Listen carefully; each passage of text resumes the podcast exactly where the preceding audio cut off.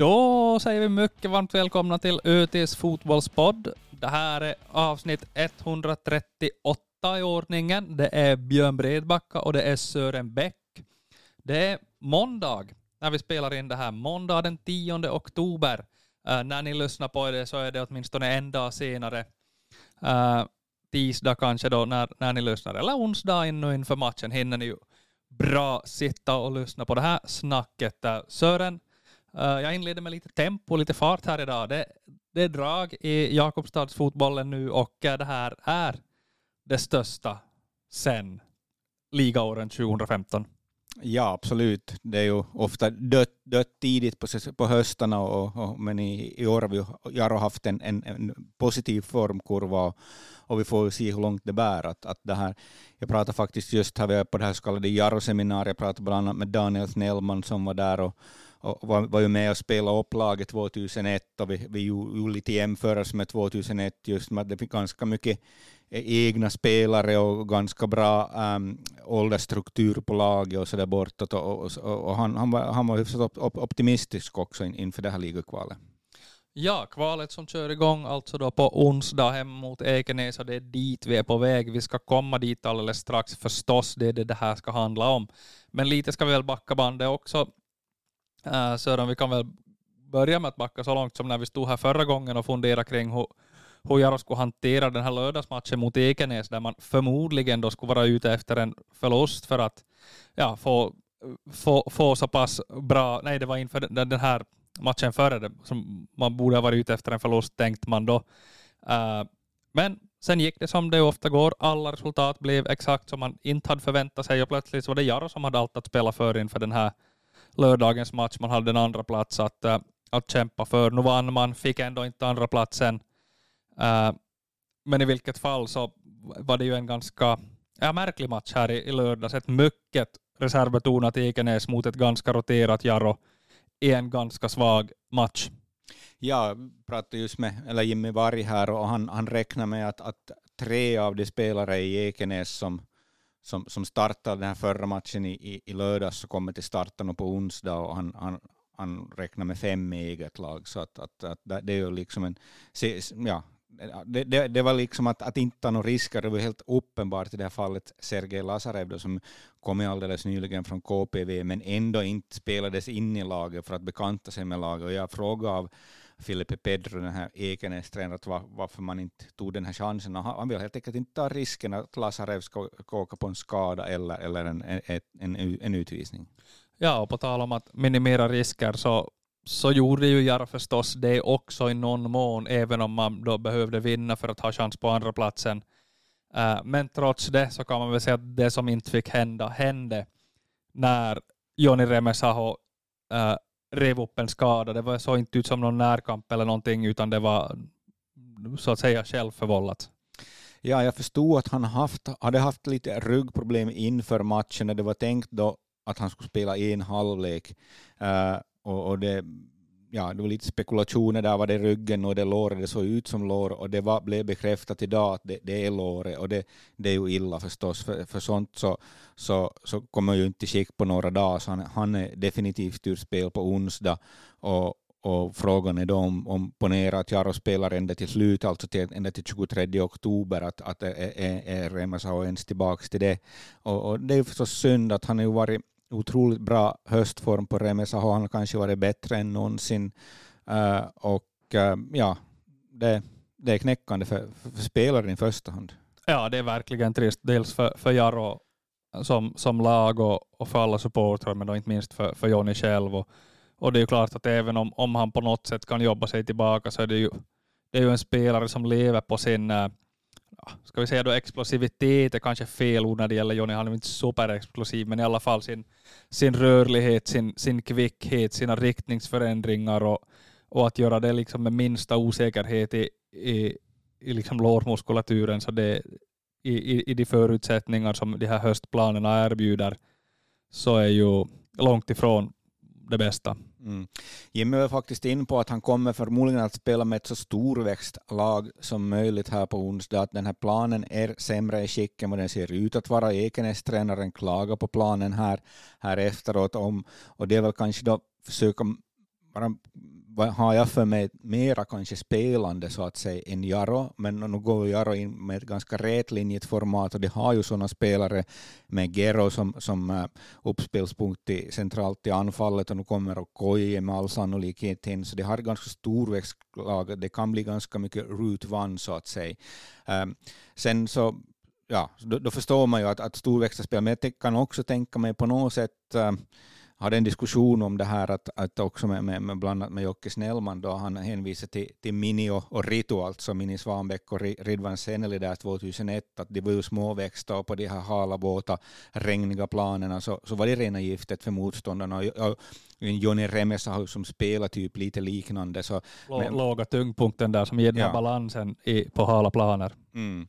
Och, och, och det här så att uh, ja, det finns väl för och nackdelar med allt, men, men det är klart att spelar man, spelar man, man rätlinjigt med, med, med, med, med en högboll upp till, till en Gero, så då, då, då, då, kanske man har mindre nytta av, av en typ Remesaho. Ja, det är väl så Jaro får tänka. Och, äh, speciellt nu på onsdagen när Remesaho med all säkerhet är borta. Och det ska man ju komma i, ihåg att om det är någonstans Jaro verkligen har varit giftiga här under hösten sensommaren, hösten så är det ju på fasta situationer. Okej, man har fått en del straffar, det ska man kanske inte räkna in på det sättet, men också frisparkar, hörnor. Eh, det har varit enorm leverans på fasta situationer. Och det är ju intressant, för det, det tänkte man ju att här kommer Jaro att lida som lag väldigt mycket när Guillermo Sotelo försvann, för han hade ju sin vänsterfot som, som med mycket bra leverans. Men det är många andra som har klivit fram här, slått bra hörnor, bra frisparkar ja, framförallt Markus Kronholm då, som, som, som har haft bra leverans. Och, uh, även om det får eh, eh, förstod jag enligt Jimmy här så får det ju faktiskt fel här när, när Gero nickade in här framför främre stolpen här var det väl mot TPS att, att det var egentligen screenat och gjort så att Johan Brunell skulle ha kommit där, där en, en, en, bollen skulle vara en meter högre upp men den kom inte till Brunell utan men den kom till Gero och det blev ju mål i alla fall så det, det kan lyckas fast det misslyckas ja, med den spelarbesättning jag har nu så är det ju exakt så. Uh, ponera att man kan ställa så att säga hela det stora gardet på, på plan på, på onsdag, det vill säga ett mittbackspar med Johan Brunell och Franklin Okoye, två av seriens förmodligen bästa huvudspelare. Uh, den storväxta Severi Kähkönen som ju också är, är farlig med huvudet och då Alhaji Gero. Uh, att kunna ställa upp med den kvartetten i närheten av motståndarnas mål vid, vid olika sidofrisparkar, vid hörnor.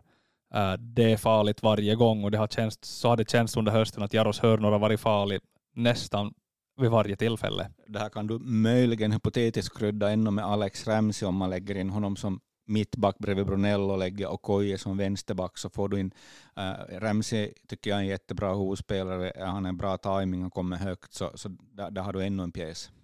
Ja, så att uh, en av, av många saker att hålla utkik för på, på inför onsdagen här, det är de fasta situationerna. Mycket möjligt att det kommer att bli avgörande för vem då som går vidare och, och möter TPS i följande, uh, följande omgång i, i kvalet där.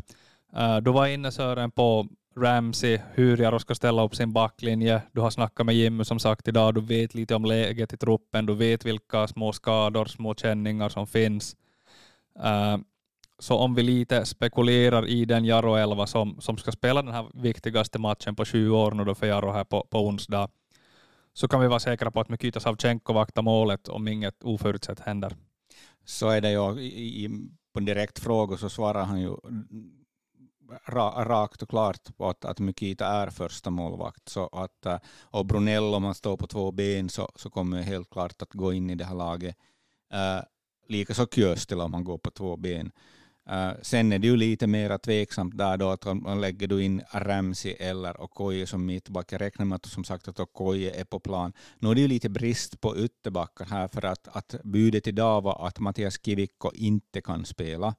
Uh, och Aron Bjornbäcks situation har vi varit in på. Han går på den här brandmannautbildningen med långa skolningsdagar men han hinner ju i alla fall till match jag tror det, Jim, Jimmy, eh, sa var in på att det slutar troligen fyra i Vasa så han hinner ju hit men, men det är ju förstås inte en, en perfekt uppladdning på, no, på något sätt. Att, eh, men, men trots allt så ja, Ljungbäck har ju hållit, hållit igång så att säga med, med, med JBK och spelar match nästan, nästan varje vecka så, och han ju helt bra ifrån sig här också mot, mot Ekenäs. Ja, så, men klart att vänsterbacks äh, positionen där är ett frågetecken. Kivikko borta, han har varit given. Det innebär då att man kommer att få en säga, mer onaturlig vänsterback. Franklin Okoy som i första hand är vänster, äh, mittback har ju spelat lite vänsterback den här säsongen. Han är aktuell som du sa. Uh, sen kan det hända att man lyfter in Bjornbäck på en ytterback, men då är frågan, tar han då kanske en högerback och Kyöstilä, den lite mer rutinerade, möjligen över till, till vänster, eller vad, vad, vad tror du i så fall? No, jag har inte sett Bjornbäck jättemycket som vänsterback måste jag säga. Att, att jag vet inte heller exakt hur bra Kyöstiläs vänsterfot är, men jag skulle väl tippa att, att det blir så. För, för han är mer rutinerad och, och, och håller igång här. Så att man, Eh, ja, det finns tillräckligt mycket, mycket nytt och han och, ja, Bjornbäck har varit så mycket, pass mycket bort så jag tror att det blir så. Men jag tror faktiskt att det är Okoye som är vänsterback för att då får du också in en vänsterfotad spelare och du får in Ramsey. Jag, jag tror att det är så som fyr, Jaros fyrbackslinje ser ut om Köstel är i skick. Ett annat alternativ är ju att Jimmy då väljer att gå ner på den här trebackslinjen och, och kör Brunell, Ramsey och Koje som mittbackar för att då kunna ha Kyöstila till höger och, och, kanske då en Jim Myravik ut till, till, vänster. Eftersom det ändå kommer att råda ytterbrist så kanske man kan lösa det på det sättet. Det är, det är en möjlighet, men på något sätt så vore man ju ändå Jimmy känner sig mera säker med det 4-3-3-systemet som man ofta spelar på själv också. Så att jag, jag mm, skulle väl ändå tippa på en fyrbackslinje. Ja, det där med backlinjen blir intressant att se på, på onsdagen. Det finns frågetecken, speciellt då Eh, för vänsterbacken och, och, vilken typ av lösning Jimmy, Jimmy väljer för att, för att komma till rätta med, med det här. Uh, mitt mittfältet, uh, det mesta talar väl för att det blir ett, uh, ett mer sittande mittfält med Bouchou och Vidjeskog som ska in och, in och kämpa om bollarna. Det tror jag, det tror jag. Och, och, och det här på något sätt kanske jag ändå har känslan av att det är den tredje pjäsen är Markus Kronholm.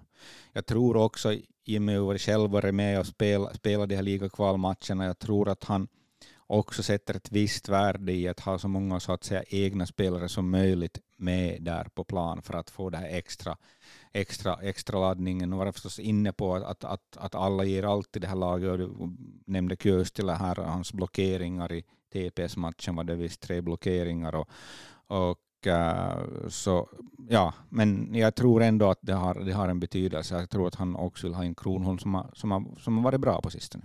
Ja, jag tror också det, speciellt då om uh, ska säga, den följande spelaren som vi kommer till här, då Severi Kähkönen, som ju är osäker.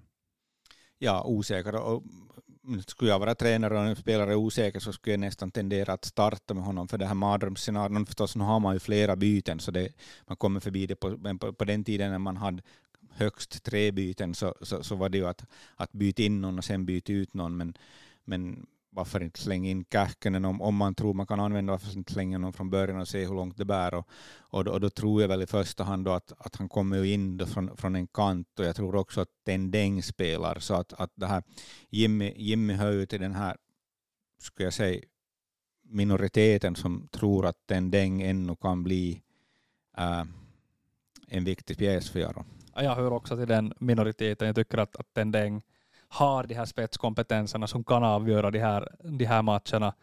Uh, jag skulle inte vara förvånad om det är så att, att Kähkönen kan spela. Så tror jag nästan att också, som du är in på, att han startar på en kant, att Tendeng tar den offensiva mittfältsrollen och att Myrevik också får chansen. Jag tror att, att uh, Jimmy kan vara intresserad av att ha in, ha in Jim från, uh, från, från start uh, för att vi i alla fall få en så att säga, tydlig kant. Det är möjligt. Det är möjligt att det kan ju vara så att, att i, i det, det upplägget så det är då Kronholm och Myrevik som kämpar om en plats. Och på centerpositionen, succén får vi börja kalla honom. Mål i sex raka matcher, alla Gigero. Så är det och, och, och han gör ju annan nytta än mål och han verkar vara bra. Jimmy var in på det idag att han är bra, bra att ha i omklädningsrummet, han är positiv, han, han, är, han, han, han äh, sprider bra stämning i laget. Eh, det märks att han har varit med i viktiga matcher tidigare.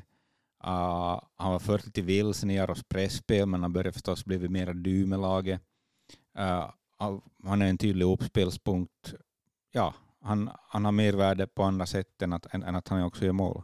Här har vi ett tydligt exempel på, på en spelare som väldigt snabbt har lyckats växa in i laget. Det, det såg ju tveksamt ut efter hans ska säga, två första insatser och det var, det var fler, än, fler än en som drog de här parallellerna till fjolårsfloppen med Koli Chrysantos och sa att det här, är, det här är årets Chrysantos. Äh, eh, men här har ju Nogero på ett tydligt sätt visat att han är väldigt mycket mer än så. Ja, han är inte en föredetting på samma sätt som, som Chrysantos var. Uh, sen måste vi komma ihåg med Gero, uh, vill minnas att vi nog var in på det här också, att han var ju i princip varit ospelad på andra året. Att han, det, det behövs säkert några matcher för att, för att komma in i det så igen. Men om vi lägger den här onsdagens match i ett lite historiskt eh, perspektiv då, det vi nämnde här var att det var det Jaros största match på 20 år. Eh, det, är, det var då man hade den här avgörande matchen. Man borde ha vunnit mot, mot eh, SJK för att bevara ligaplatsen hösten 2015. Det lyckades man inte med då. Men i övrigt så är det inte så väldigt ofta Jaro har varit ska vi säga, i de här vinna eller försvinna avgörande situationerna. Vi har några tydliga exempel som vi har gått igenom i den här podden förr. Vi, vi, vi snackar förstås TPS borta. 2012, det var ju en väldigt gaskramande tillställning och Uh, Niklas Storbacka som var vd, han brukar ju oftast vara återhållsam, men då, då, då, då brast det väl nog för honom också efter det var nog en stor lättnad där, Storbacka och, och Jeremenko, och det var mycket på spel och det här, man måste ju ha, ja, ha resultat från den matchen och, och, och det, var, det, var, det var krampaktigt. Ja, då vann man. Vem gjorde Jaros segermål den gången? Vi slänger in en quizfråga här.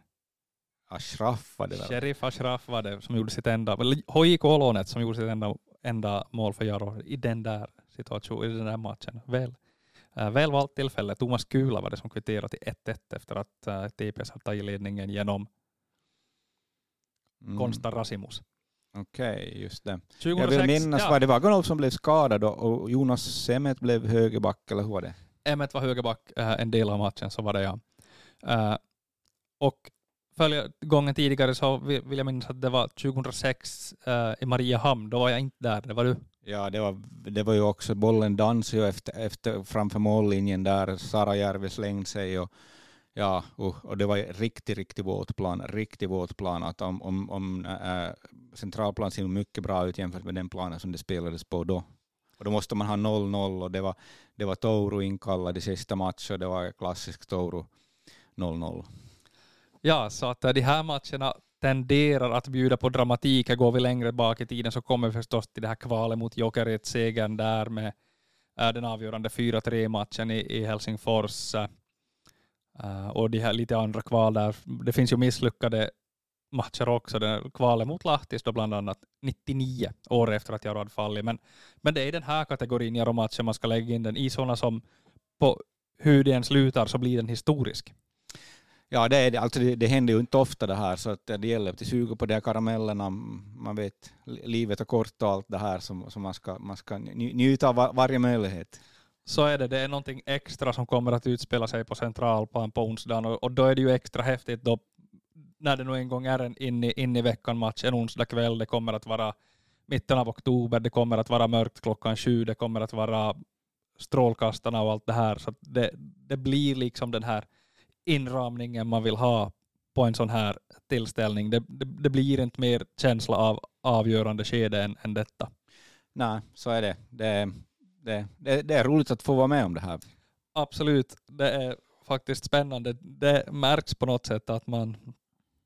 Det är svårt att tänka på något annat just nu, märker man. Man, man är inne i det här och går och funderar och tänker på, på den här startelvan, på hur läget är i truppen och på, på det ena och på det andra, hur det egentligen ska bli på onsdagen, vilken typ av match kommer vi att få uh, och, och, och hur, hur just det här som vi pratade om, hur ställer Jaro upp? Blir det långa bollar på Gero och se, se vad som händer därifrån?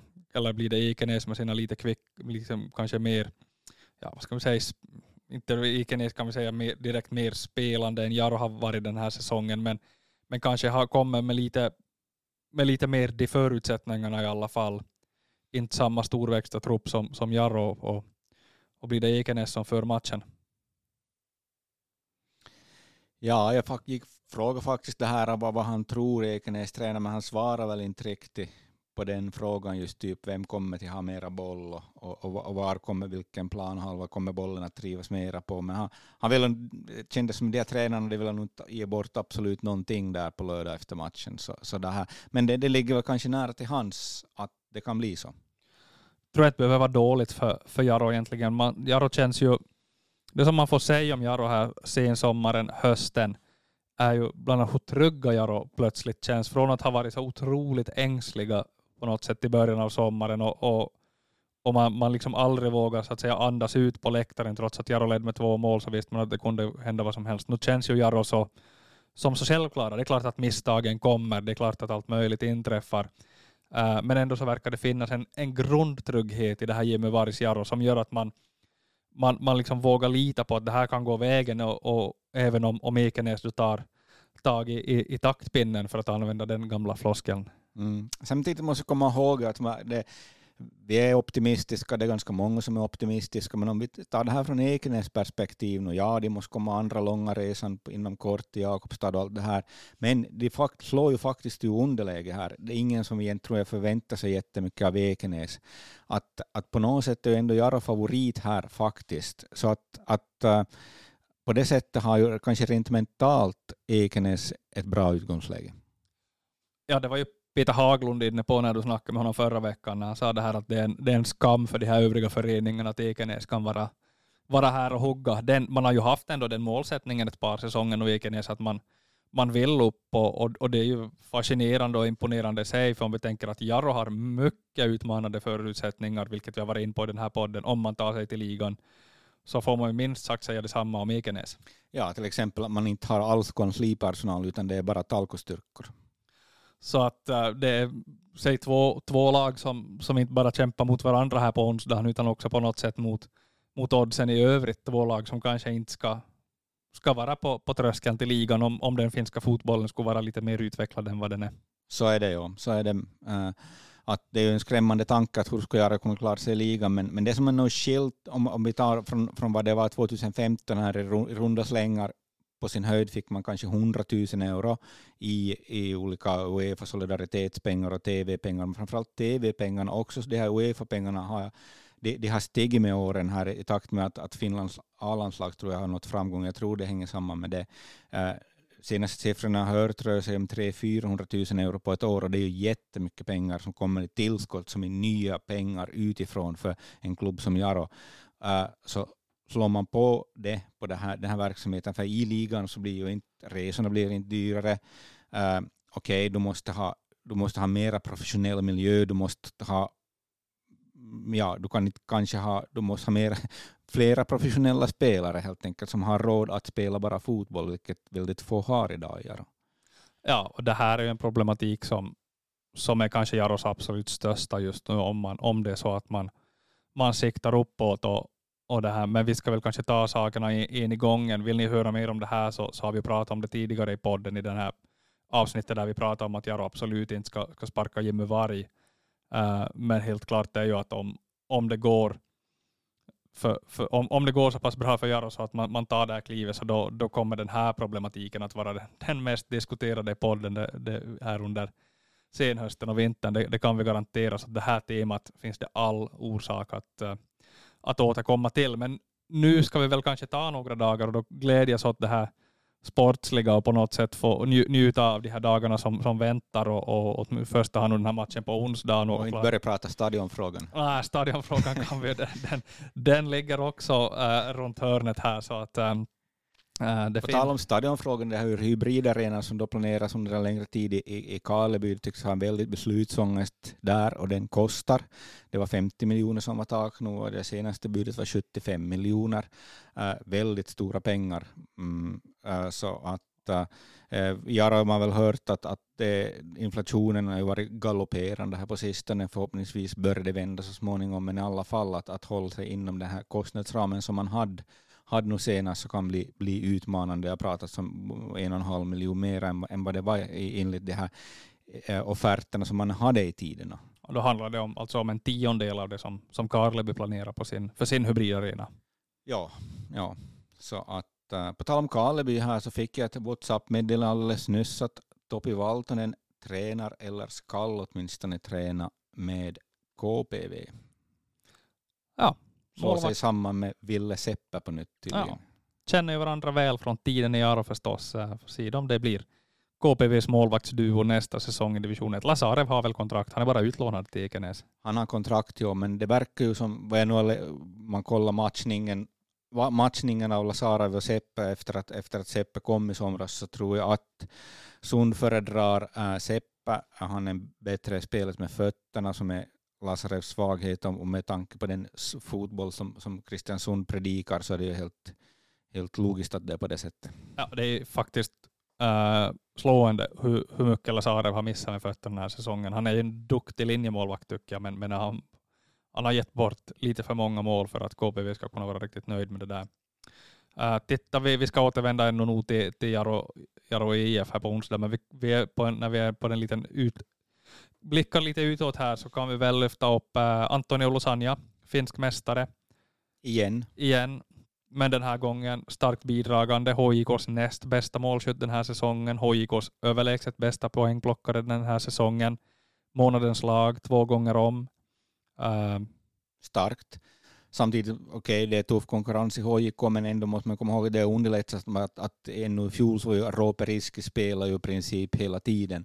Han skadade sig tidigt skede av den här säsongen och det gav ju liksom ett utrymme där, men det är klart, då ska man ta chansen. Det har fått ta in Malik Abubakar, det tar in för Radulovic, ja, båda från Sverige. Ja, Radulovic kom ju från AIK. Han är faktiskt HIKs bästa målskytt den här säsongen med åtta mål, men så är rätt här tidigare idag så har Olosania 7 plus 5, vilket faktiskt är, är bra stats för honom, för att han, han har väl sammanlagt en 20-22 insatser i ligan, men väldigt ofta då som inhoppare eller har blivit utbytt. Han har ju inte många 90 minuter Uh, så att Om jag minns rätt var det just över tusen minuter så att, att det här... Så att det är en poäng mer än var hundrade minut och det är bra. Uh, får man faktiskt säga. Uh, så att är stort grattis Antonio Losanja till ligaguldet. Axel Widjeskog tar ligasilvret. Han har fått ganska ont om speltid sedan han kom tillbaka från, han hade en låneperiod här till från säsongens början till juli 11 så var han mer eller mindre ordinarie hela tiden, men sen har det blivit, blivit jobbigt att få speltid i Kups som då har ett betydligt bredare material än Ilves. Tittar vi på övriga ligaprofiler med, med klar anknytning så kan vi väl nämna Guillermo Sotelo som avslutar säsongen väldigt soteloskt får man väl säga, tar ett rött kort här och missar sista matchen och eh, ja, det gick som det gick för HIFK, för Guillermo Sotelo och för Roman Jeremenko. Och kanske är det så att de sitter där och tänker att ja, nu skulle man kunna ha en häftig kvalhöst att se fram emot här med Jarro, men det har de då inte. Nej, det får man ju se då var, var en Sotelo spelar nästa år, att blir det som Jarro på nytt, att nu verkar det här korthuset HIFK falla ihop helt och hållet. Mixo, Mixo har redan stängt dörren där och får se vad en Roman Jeremenko gör. Han tycker var jättebra i den matchen, att han borde ju egentligen spela om man ska nu om man ska spela i Helsingfors så borde han väl spela i HIK. Ja, det var ju inte så roligt för Roman Jeremenko att komma in till, till HIFK. Jag såg några av de första matcherna och, och det här. Och han kom in, han var bra, han gav HIFK lugn och ro, uh, höll i boll, gav fina passningar. Eh, men väl, två, hans två första matcher förstördes ju av att någon av HIFK-spelarna tog helt onödiga röda kort ganska tidigt i första halvlek. Och det här blev ju fallet då i fyra eller fem av matcherna som HIFK spelade här under hösten, att, att det var ju mer regel än undantag nästan att man under en timme, timmes tid spelar med, med, tio, med, med nio, nio utespelare och då är det svårt till och med för Roman Jeremenko. Ja. Sen jag vill notera att Sergej Jeremenko var helt borta från truppen, om jag minns rätt, här de senaste matcherna antyder ju då att han, han har varit skadad. Blick västerut då. Uh, Simon Skrabb, två mål förra helgen när Kalmar vann direkt matchavgörande. Startade som center här igår när Kalmar vann borta mot Elfsborg. Och äh, ja, Simon Skrabb gör det bra. Uh, har väl gjort fyra eller fem mål då den här säsongen. Och hans Kalmar kämpa på allvar om medaljerna i allsvenskan och det är bara att konstatera att Henrik Rydströms bygge där med, med Skrabb som för det mesta i startelvan går överraskande bra. Uh, Kalmar går överraskande bra. Jag tror kanske inte att Simon har varit helt nöjd med sin säsong. Jag tror att han skulle vilja ha, mera, mera mål och mål, mål assist. Han har ofta spelat cirka en timme. Uh, det skulle bli spännande att se hur det blir med landslaget och Simons krabb här. Om man höjer sig ett litet snäpp så borde han ligga hyfsat bra till för en, för, för, för en plats i truppen åtminstone. Ja, definitivt känns det ju så. att Han är ju ändå ett av, ett av allsvenskans bästa lag. Så att han, och, och dessutom mångsidig, kan ju användas på många positioner i, äh, i landslaget. Äh, men ännu om onsdagen då. Äh, tankar om Ekenäs sådär. Vad har, du, vad har du för koll på Ekenäs? Själv såg jag ganska mycket Ekenäs i början på säsongen men har inte riktigt hunnit med här efter tränarbytet och sådär. Har du mycket koll på det här? Är det mycket som har förändrats? Nej, det kan jag väl inte säga att jag äh, har direkt. Den här Xeved Gela som är kapten och, och åtminstone har de varit andra tränare, jag undrar om han är fortfarande, men, men han är ju en sån här, spelar spela många olika ligalag, han var väl ett varv i Polen och, och han är ju han är en rutinerad herreman som, som, som tror jag är viktig för det här, det här bygget. Den här Alexander Forsström som var kapten och så tyckte så riktigt bra ut och, och det här uh, faktiskt, ja, mm, det var en eh, spelare som jag förstår att Jaros VD Fredrik Haga känner bra och varit och ryckt i redan lite inför säsongen, men, men, men det är väl, han menar att det är rätt, rätt svårt att locka det här Hesa-killarna hit till Jakobstad för division 1-fotboll om de får det i Ekenäs. Så att, men att eh, den här situationen kan ju ändras om, om, om, om Jaro stiger. Ja, det jag såg av Ekenäs här framförallt i början på säsongen var ju att jag tyckte att laget spelade ofta dålig fotboll. Det gick långsamt, det gick trögt uh, och, och, det såg inte speciellt bra ut. Sen hade man en anfallare, Adam Larsson, som gjorde mål på exakt allt och avgjorde matcher på egen hand för, för Ekenäs. Och och jag trodde väl mer, eller mindre att hela, hela bygget skulle, skulle rasa ihop när Adam Larsson då stack iväg till Ilves här i sommarfönstret. Men Ekenäs tränar och har jag förstått i alla fall börjat spela bättre, har en uh, tydligare spelidé kanske. Och dessutom då hitta en, en ny målskytt i, i de egna leden i Oskari Sallinen som vad jag förstått inte är någon naturlig anfallare men som omskolad mittfältare och det kan jag väl säga om Filipe Pedro att han gav ett väldigt bra intryck där efter matchen, saklig och och, och, och, och liksom bra ledartyp och, och liksom resonlig människa överlag. Så att han, ja, som sagt, han gav ett bra intryck. Ja, Ekenäs har ju botaniserat ganska mycket i det här spanska, portugisiska äh, tränar, tränarskrået. Man, man testar ju då med, med Mikko Manninen här emellan, men det, det lyckades inte och nu är man tillbaka i det här iberiska spåret. Ja, ja. Så det, det, det ofta hade, hade och det till och med hade flera, flera liksom samtidigt, man förstår inte riktigt med deras spelarbudgeter hur de lyckas få flera heltidsanställda tränare, men de kan tydligen trolla där i Ekenäs eh, äh, icke bemannade kansli. Ja, men äh, lite av ett, äh, ja på något sätt, det finns ett släktskap mellan de här två klubbarna, någon, någon sorts kusinkänsla där, att det finns det här finlandssvenska förstås, äh, det finns det här bygga med små medel, det finns kämpa mot oddsen och och, och, och allt det här. Att, att det, det, man kan inte kalla det för derby, men, men någon sorts släktträff i varje fall känns det som att det Ja, Ulle brukar väl tala om det finlandssvenska derbyt, det är väl deras perspektiv. Nåja, jag har, jag har själv lite svårt att ta ordet derby i min mun när det skiljer sådär 450 kilometer eller vad det kan, äh, vad det kan tänkas vara. Men, äh, det fanns ju faktiskt äh, släktskap här med sportchefen, den mångåriga, som på något sätt ganska långt personifiera äh, eh, Ekenäs Peter Haglund, så hans, äh, hans, äh, hans farbröder bor i Jakobstad, hans pappa kommer från Jakobstad, Viktor om jag minns rätt, så där finns släktskap på riktigt. Ja, där ser man. Det jag ändå ska säga innan vi avrundar här idag är ju att ni missar inte att hänga med på OT.fi förstås här de här närmsta dagarna. Det kommer att hända väldigt, väldigt mycket. Eh, det är pressinfo inför matchen, det blir på, på tisdagen. Dit går förstås Sören och även fotograf Brunström. Sören kommer att vara på plats när jag tränar på tisdagen och har utlovat live-rapporteringar. Så att äh, blir det lite bråk, lite sura miner, blir det någon som vrickar foten eller blir det någon som drar in ett bra skott i krysset så kommer ni att kunna följa det direkt på ot.fi. Tisdagens träning.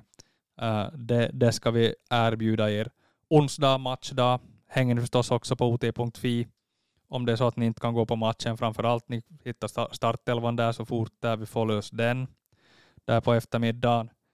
Sen blir det inför match eh, förhoppningsvis intervju med tränare Jimmy Varg. Det blir lite annat från, från centralplan. Det blir förstås som vanligt live-rapportering från matchen om det är så att ni inte är på plats. Och efter matchen blir det förstås uh, full fart Eh, borta på ot.fi där på webben med, uh, med texter, analyser, intervjuer, spelarbetyg, allt vad ni bara kan uh, tänka er. Det är full fart som gäller nu, åtminstone fram till onsdag kväll. Sen får vi se om det blir uh, säsongen över eller om det bara tar ta ny fart här inför, inför helgen. Ja, det kan vi säga ännu. Uh, ni har kanske läst det redan på ot.fi, men det är ju nya, eller i papperstidningen för den delen när det här kommer ut, det är nya kvaldatum som gäller på grund av en krock i Åbo på söndagen.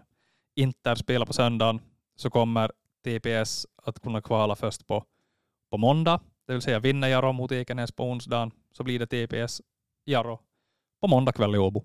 Halv sju, ja. Betyder samtidigt då att eh, i det eventuella följande kvalskedet så skuffas fram från onsdag till torsdag. Så då blir det hemmamatch mot FC Lahti i Jakobstad, kanske. Kanske. Uh, och det vi ännu kan säga är ju att onsdagens match ska ha en vinnare på ett sätt eller annat. Är det, är det oavgjort efter full tid blir det förlängning. Uh, det är väl två gånger 15 då som gäller. Uh, är, det få, är det oavgjort ännu efter förlängningen så då tar straffar vid. Uh, så att det blir en vinnare, en förlorare på onsdagen, största matchen för Jaro på, på 20 år, största hemmamatchen på väldigt, väldigt länge. Jag skulle säga största hemmamatchen på, ja, på, 20, på 2000-talet förmodligen. Så att äh, Fotbollspodden tackar för den här gången och så hörs vi igen när vi vet hur det har gått äh, på onsdag.